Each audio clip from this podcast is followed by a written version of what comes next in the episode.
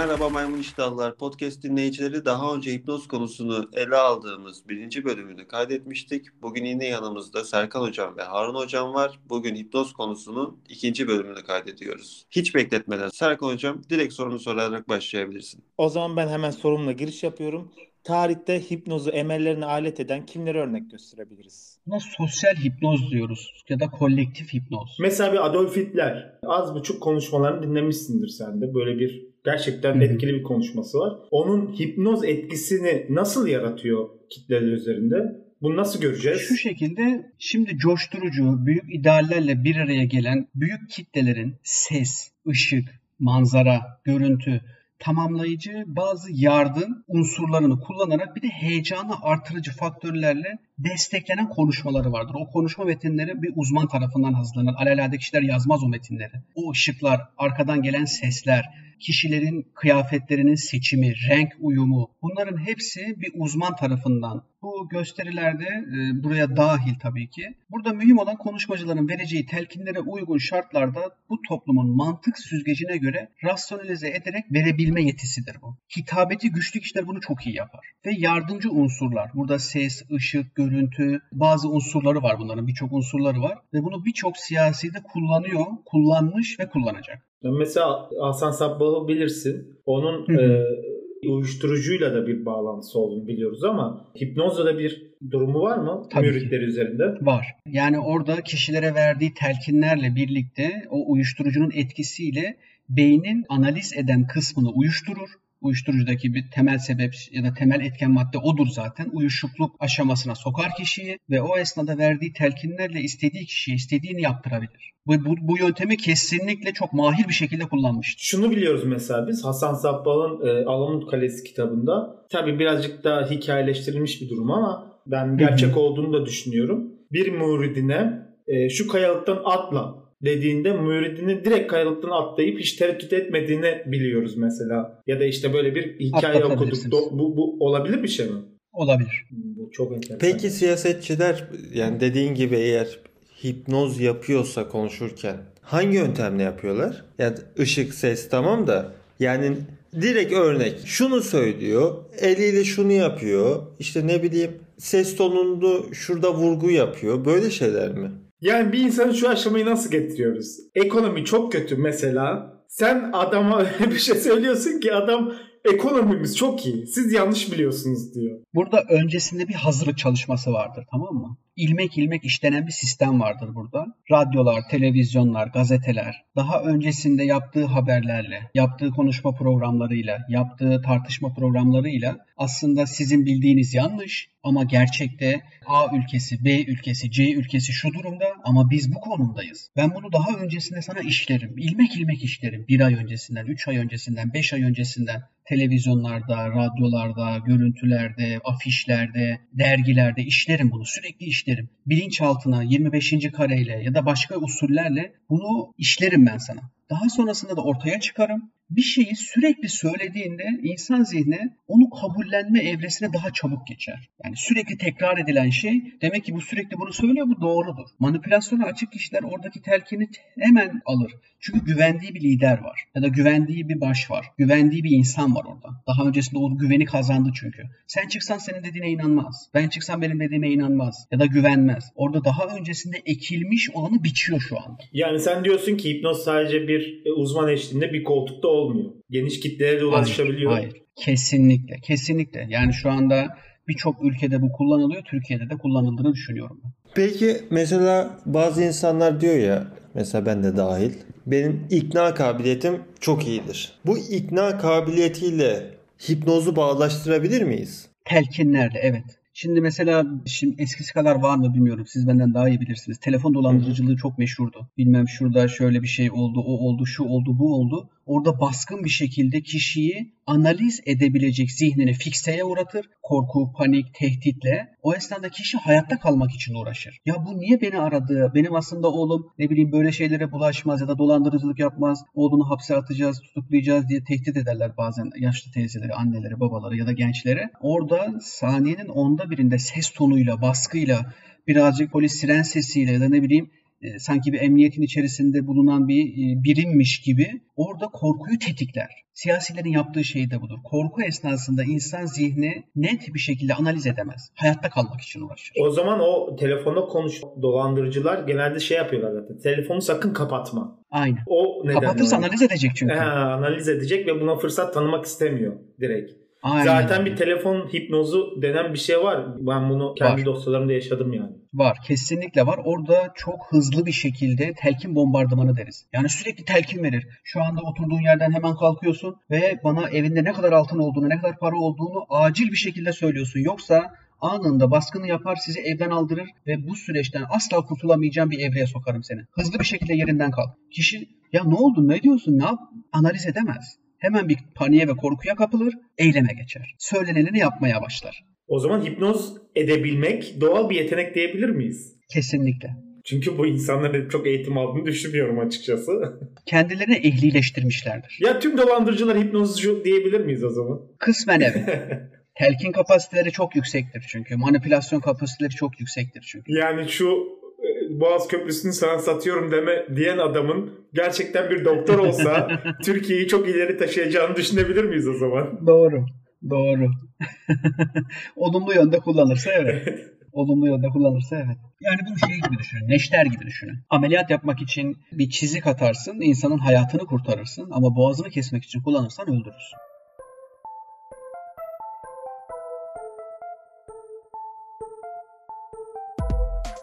Peki normalde mesela bir insan sana bir şikayetiyle, bir derdiyle geldiği zaman ya tabii ki bu kişiden kişiye değişir ama yani bir mesela Türkiye ortalaması diye bir şey vardır. Senin gördüğün ortalama bir insanın bir sıkıntısı hipnozla kaç seans sonra kendine geliyor? Bu çok Evet, merak bu yani edilen çok da soru. saçma bir soru bu arada biliyorum ama herkesin merak ettiği de bir şey yani sana en çok gelen hocam ilk geldiğin zaman sana hocam kaç seans sonra çözülür bu soru diye soruyordur yani mu- muhakkak. Yani ortalama bir şey söylemek senin dediğin gibi yani net bir şey söylenemez. Kişiden kişiye göre değişir ama çok ağır bir vaka değilse, çok ağır bir vaka değilse ilk iki seansta biz anemnez alırız zaten. Yani kişinin hayat hikayesini dinleriz. Nasıl oldu? Nerede? Ne zaman? Niye şimdi geldin tedaviye? Ya da çocukluğunda neler yaşadın? Annen baban ne iş yapar? Sen ne iş yaparsın? Nasıl bir insansın? Kimlik, kişilik özellikleri. İlk iki seans genellikle anemnez deriz biz. Hikayeyi dinleme aşamasıyla geçer. Daha sonrasında biz onu kendi içimizde bir sürece sokarız. Ya bunu e, üçüncü seansta mı, dördüncü seansta mı, beşinci seansta mı? Birazcık daha güven ortamının oluşmasını isteriz hipnozda çünkü. Kişi genellikle hipnozu bilerek gelmez bize ya da tedaviyi bilerek gelmez bize. Bir güven ortamının oluşması lazım ki kendini rahat hissedebilsin orada. Sürekli tedirgin, acaba bana bilmediğim bir şeyleri mi söyletecek, bana bir şey mi yapacak? Çünkü bizim zihnimizde hipnoz tehlikeli bir şey. Kontrolü tamamen kaybedeceğimizi düşündüğümüz bir şey. Bir seansta biz ona hipnozun hipnozun ne olduğunu anlatırız. Daha sonrasında ya bir ses kaydıyla ya bir demoyla ona orada deneyimletiriz. Genellikle 8 ya da 10 seans arası diyebiliriz. Ortalama bir panik atak vakası için 8-10 seans diyebiliriz. Vajinismus vakası için 4-5 seans diyebiliriz. Erken boşalma için 8-10 seans arası diyebiliriz. Yani oradaki süreçler e, ilk ilk bölümde de bahsettik ya neyden kaynaklandığını bulursak daha da hızlı Yani ilerlenebilir. biri sana zaten ilk geldiği zaman sen o ilk seansta aslında hipnoz yapmıyorsun. Sen sadece o an hikayeyi dinliyorsun. Aynen, aynen öyle. Çünkü bilmiyorum ki onun kontraindikasyonları dediğimiz belki alter kişiliği var kişinin. içinde 15 tane daha benliği var. Nereden bileceğim? Ya da psikotik düzeye yakın birisi. Onu hipnoza aldığımda onu daha farklı bir boyuta sokabilirim. Daha kötü bir durumun içerisine sürükleyebilirim. Önce bir dinlemem, analiz etmem, onu bir zihnimde standart, standartlara Yani bazı insanlar da hipnoza yaygın de yatkın değil öyle mi? Yani bazı insanlar bu hipnoz için uygun değil. Nasıl insanlar Tabii uygun değil? Yani ilk gelen kişi hemen şu koltuğa otur hemen seni bir hipnoz alalım gibi bir şey yok yani. Yok, yok. Yani şöyle onların bazı sınıflandırması var. O kontraindikasyonlar diyoruz. Yani hipnoza alınmaması ya da alındığında fayda sağlanamayacak kişiler var. Mesela çok kontrolcü birisi diyelim tamam mı? Ya da obsesyonları olan birisi ya da psikotik düzey dediğimiz yani kayışın koptuğu evreye yakın birisi. O insanların hipnoza alınması çok fayda sağlanabilecek bir durum değil. Psikotiğe yakın kişi yani gerçeklikle hayal arasındaki ya da gördükleriyle işittikleri arasındaki farkı tam anlamıyla algılayamayacak bir seviyede o kişinin hipnoza alınması faydalı değil. Daha da onu sıkıntılı bir durumun içerisine sokabilir. Onu çok farklı bir dünyanın içerisine sokabilir. İşini iyi bilmesi gerekiyor. Yani o peki o kişinin. hipnozu uygulayacak o, o zaman psikoterapinin bir alanına mı giriyor yoksa tamamen psikiyatri biliminin Tabii değil ki. yani psikiyatriste mi gidiyor? Şimdi biz psikiyat psikiyatristler eş güdümlü çalışıyoruz. Biz kendi başımıza e, sadece yol aldığımız bir süreç değil burada. Eğer ilaç tedavisi alması gerekiyorsa psikiyatristle birlikte yürütüyoruz süreci. Psikiyatriste yönlendiriyoruz. O da bizimle birlikte terapi boyutunu biz yürütüyoruz. İlaçla kısmı Ha, olan kısmı yani sen hipnozla işin yok kardeşim. Sen psikiyatriste git diye bir şey yok. Sen psikiyatriste git aynı zamanda psikoterapiye devam et. Aynen öyle olanlar birçok kişi de öyle diyebiliriz. Bir insan Çünkü terapinin yeri ayrı, ilacın yeri ayrı.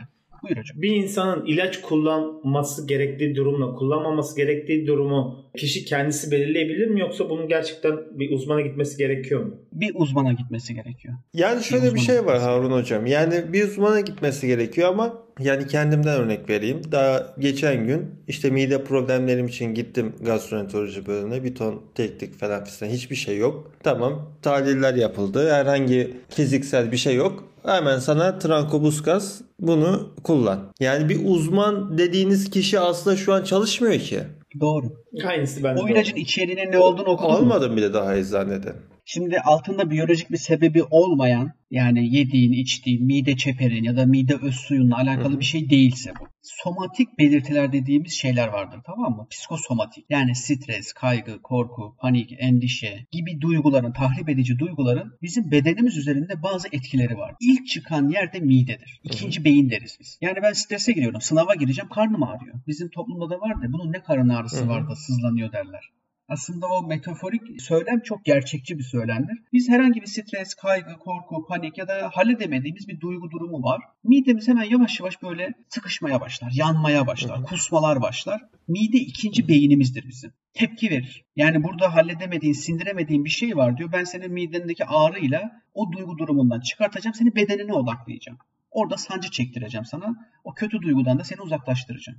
Bu bir kaçıştır aslında. Bedenin ruhsal mekanizmadaki sıkışmayı rahatlatmak için bulduğu bir çözümdür. Ama bu sürekli hale gelirse midende daha büyük problemler ortaya çıkmaya başlar. Gastrit ülsere döner. Ülser ilerler ilerler mideden kalbe, kalpten boğaza, boğazdan beyne böyle bir yol izler. Böyle bir hattı vardır onun. Yukarıya yukarıya doğru çıkar. Sonra kalp ritmi bozulmaya başlar. Boğazında ya yutkunamıyorum, su içemiyorum, yemek yiyemiyorum. Yani Böyle sen diyorsun ki trankobuskas kullanmadan önce bir terapi almanız gerekiyor. Terapi alırsan daha da hızlı iyileşirsin. İlaçların etkileri e, daha da destekleyicidir ama terapi de yamana atılmayacak derecede rahatlatabilir.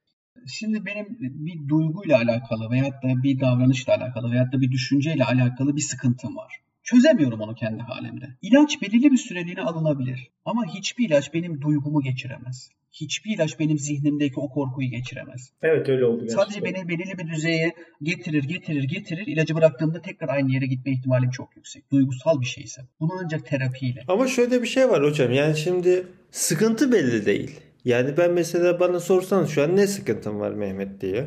Madem böyle işte bağırsaklarına vurdu. işte gastroenteroloji sana trankobuskas verdi baktı. Ne sıkıntın var Mehmet desen ben sana bir sorun söyleyemem. Orada geçmiş deneyimlerimize bakarak, bugüne kadarki vaka, daha sonrasında süpervizyonlara bakarak birkaç soru sorarız biz sana. Deriz ki güçlü olmakla alakalı acaba bir çaban var mı? Yakalandım şu an. Do- evet Anladın mı? anlaşıldı. Şu an yakalandım mı şu şu an ellerim ters kelepçe gidiyor mu? Oradan oradan başlarız sonrasında gider süreç ilerler. Yakalandım. Çok ikna oldum ya. Yani, yani söyleyecek hiçbir, hiçbir kelimem bile kalmadı yani bir, bir soruda yani.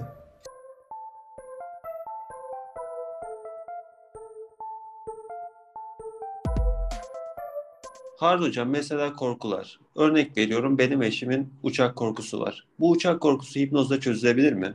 Yani çözülebilir. Eğer sadece uçak korkusuyla çalışılacaksa yöntem şu. Onu transa alırız. Derin bir e, hipnoz, orta seviye, ileri seviye ya da başlangıç seviyesi hiç fark etmez. İmajine ettiririz. Onu havalimanından kontrolden geçiririz. Pasaport kontrolünden, kimlik kontrolünden. Daha sonrasında merdivenlerden çıkartırız. Uçağa bindiririz. Koltuk numarasını tuttururuz. Yavaş yavaş anonslar yapılır. Kemerini bağlattırırız. Çünkü hayalin sınırı yok. Trans esnasında o bilinç dışı sisteme verilen telkinle hayalle gerçeklik arasındaki ayrımı yapamaz. Bunu rahatlatabilecek, kendini güçlü hissedebilecek, kontrolün onda olduğunu hissettiği telkinleriyle birlikte uçağı uçururuz, birazcık sallarız, korkuturuz, bununla baş edebilecek stratejiler geliştiririz. Daha sonrasında o uçak seyahatini bitiririz ve transtan çıkartırız. Ama bu sinekleri öldürmektir. Bataklığı Peki bataklığı nasıl kurutuyoruz? Varsayım üzerinden gidiyorum. Kişiler üzerinden değil. İşte benim kullanmadığım bir şey var. Çok devasa. Ve bir boşluk. Bilinmezlik. Ben kontrol etmeyi seviyorsam, dizayn etmeyi seviyorsam, gücü elimde bulundurmayı seviyorsam, Uçağı ben kullanmıyorum, pilot kullanıyorum. Ve kocaman bir e, boşluğun içerisindeyim. Bildiğim bir yerde değil, deneyimin olduğu bir yerde değil, kontrol edebileceğim bir yerde değil. Bilinmeyen şeyler bizi korkutabilir. Kontrolün bende olmadığını bildiğim şeyler beni korkutabilir. Yani burada şunu demek istiyorsun? Uçağın kontrolü birinde değilse o kişiyi korkutabilir. O mu problem sadece? Belki. Tek bir sebebi belli olmaz. Ama daha öncesinde bir uçuş yapmıştır mesela davranışsal bir öğrenme üzerinden örnek vereyim. Bir uçak e, seyahati yapmıştır, bir türbülansa girmiştir, hava boşluğuna düşmüştür. Orada öyle bir korku yaşamıştır yani birincil dediğimiz gerçek korkuyu yaşamıştır ve tehlikeli olarak zihnine kazımıştır o anı. Ondan sonrasında uçağa binmez bir daha. Bunlarla çalışmak daha basittir. Davranışsal öğrenme yeniden dizayn edilebilir. Uçak başka bir şeyi temsil ediyorsa onun hayatında o birazcık daha uzun bir süreç alabilir. Yani uçak sadece uçak değildir. Ne olabilir mesela? İlk verdiğim yani uçak Tabii her şey olabilir ama şey var ya. Her şey, her şey olabilir. Ama yani sizin aklınıza ilk gelen nedir mesela? Kontrol. Yani orada çok büyük bir şey var e, ve benim kontrol edebileceğim düzeyde bir şey değil o. Elimizdeki Öykü örnekten bahsedersek ben Öykü için öyle bir kontrol manyağı olduğunu düşünmüyorum. Onda başka bir sebep vardır diye düşünüyorum. Olabilir. Yani belki deneyimsel bir şeydir. Birisinin uçağının düştüğünün hikayesini dinlemiştir. Ya da o videoları sürekli izliyorsa başkasının korkusu ona kendininmiş gibi hissettirip bir daha uçağa binmeyeceğim diyebilir. Bunun bir tek sebebi bağlanamaz. Ruhsal veya da psikolojik problemler tek bir sebebe bağlı olmaz. Birçok sebebin etkisi vardır. Biz sadece e, argümanlarda bulunuruz. Tecrübeler, eski deneyimler. O yüzden hikayeyi dinlemek çok önemli. Peki siz hiç hipnoza girdiniz mi? Çok her yani neredeyse her hafta ben kendi kendime de hipnoz yapıyorum. Yani defaatli gir, Neden? girmiştim. Başka bir uzmanla hipnoza girdiniz mi?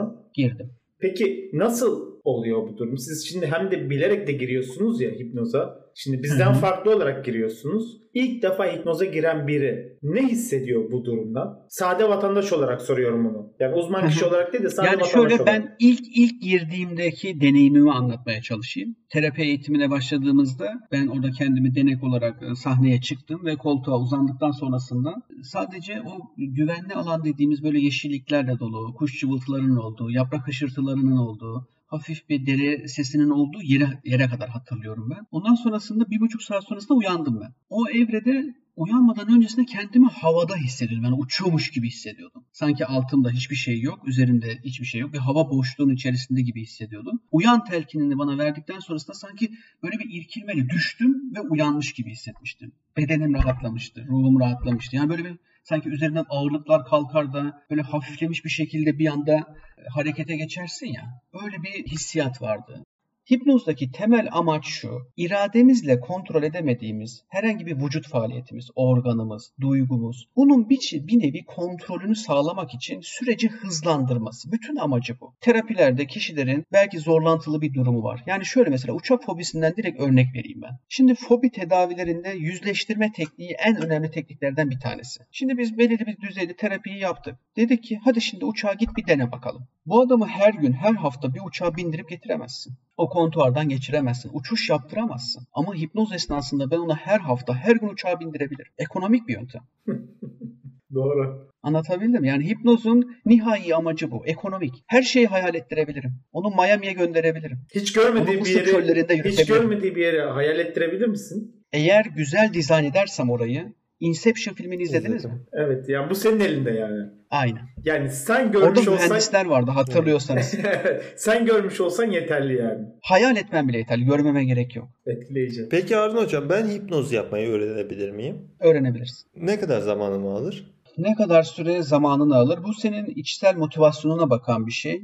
3 ee, ile 6 ay arasında çok güzel öğrenirsin. Güzel okumalar yaparsan, güzel supervizyonlardan geçersen. Peki bu iyi bir örnekti. Şöyle örnek vereyim. Mehmet hipnoz öğrendi varsayalım. Bana hipnoz uyguladı. Bu bende. Mehmet'te değil zaten. Mehmet zaten parasını alıyor gidiyor. o sorun değil de. Bende ne gibi hasarlar oluşturur? Eğer bir terapi eğitimi yoksa, ehil değilse konuda bir tane örnek vereyim mesela size. Disosyatif kimlik bozukluğu dediğimiz bir kişilik bozukluğu var. Alter kimlikleri içerisinde belki 8 tane, 10 tane, 30 tane, 100 tane kişiliği, kimliği barındıran kişilik tipleri var tamam mı? İnsanlar var. Bunlar kimisi farkında, kimisi farkında değil. Ben sabah uyanıyorum Harun olarak, arabaya biniyorum Ali olarak, işe gidiyorum Zeki olarak. Alter kimlikleri olan kişiler var. Disosyatif kimlik bozukluğu diyoruz buna. O kişi de geldi senin karşına oturdu. Hadi bana bir hipnoz yap dedi. Sen bu adamı Ahmet olarak uyutursun, hipnoza alırsın. Orada bir şeye dokunursun farkına varmadan onun ses tonundan, mimiklerinden e, ya da ne bileyim beden figüründen anlamazsın onu eğer bilmiyorsan bu işi. Orada bir alter kimliği uyandırırsın.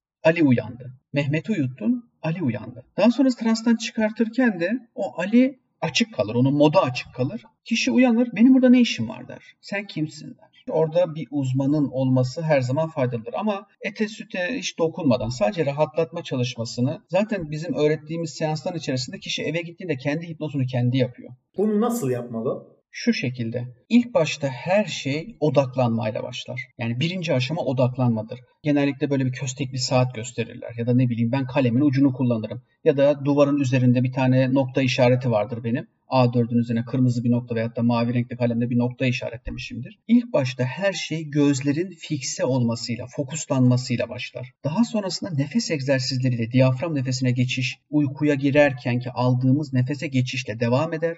Daha sonrasında bedendeki kasların gevşemesiyle süreç ilerler. Ayak tabanlarından ayak bileklerine, bacak kaslarından beline, sırtından omuzlarına, kaslarından boynuna, ta baş ucuna kadar kaslarını gevşeme telkinleri veririz. Daha sonrasında gözlerinin giderek daha da yorulduğunu ve şimdi rahat ve huzurlu bir evreye geçiş yapacağı telkinlerini verdikten sonrasında hayal kurdurmaya başlarız. Orada telkinler başlar. Gevşeme daha sonrasında hayal aşaması. Sonrasında orada neyi çalışacaksak orada bir senaryo yazarız biz. Zihnimizde vardır zaten önceki vakalardan bunu böyle yaparız, şunu şöyle yaparız ya da o kişinin özel durumu varsa ona ait bir senaryo yazarız. Onu deneyimletiriz, yüzleştiririz, netleştiririz, ego kapasitesini artırırız ve seansı bitiririz. Peki Çingo karbon vatandaş burada ne yapması lazım? Tam olarak sorduğum o. Yani bizim için söylüyoruz. Orada şunu yapabilirsin. Kendini rahat, huzurlu ve gerçekten güvende hissedebileceğin bir yere uzanacaksın. Sonra gözlerini kapatacaksın ve nefes egzersizleriyle bedenindeki gergin hissettiğin bölgelerdeki kasların gevşediğine dair kendine şimdi nefes alıp verdikçe daha da gevşeyecek, daha da gevşeyecek, daha da gevşeyecek. Kaslarını gevşettikten sonrasında kendini mutlu, huzurlu, en önemlisi güvende, sağlıklı ve cesaretli hissettiğin bir yer hayal edeceksin.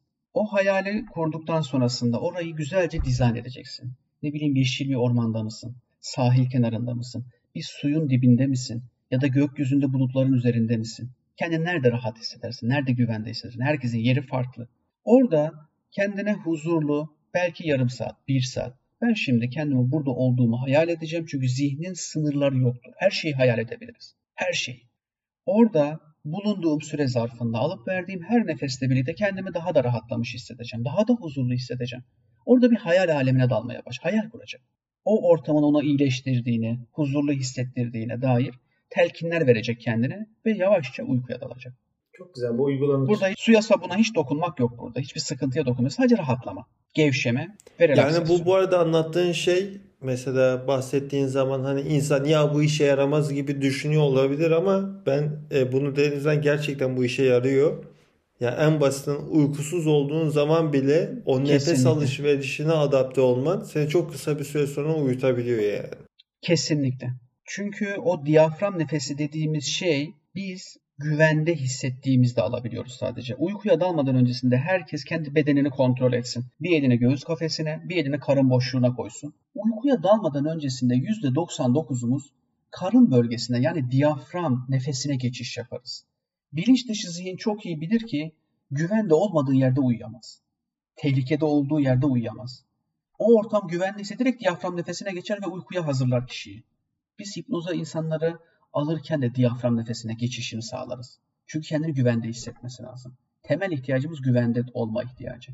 Huzurlu hissetme ihtiyacı. Hmm. Teşekkür ederiz Harun Hocam. Ciğer nefes, ciğer nefes yerine diyafram nefesi daha rahatlatıcı diyorsunuz yani. Kesinlikle. Karı, göğüs bölgesinden, göğüs kafesinden aldığın nefes panik nefesidir. Survivor mod deriz biz. Hayatta kalma modu. Ya savaşabilirsin, ya kaçabilirsin ya da donup kalabilirsin. Bu üç tepkiden başkasını veremezsin göğüs kafesinden nefes alıyorsan.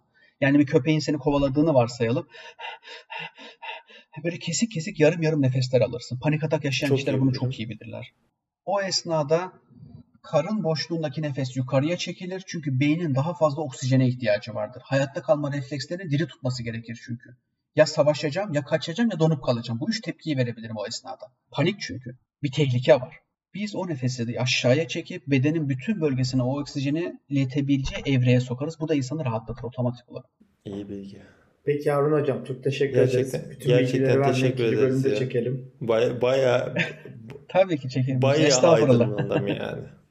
Baya aydınlandım. Bayağı aydınlandık. Belki ikinci bölümde hipnoza hiç inanmayan, hipnoza giremeyen birini buluruz. Veya belki ikinci bölümde Olabilir. geniş geniş Harun hocam hadi bizi hipnoz et deriz ya.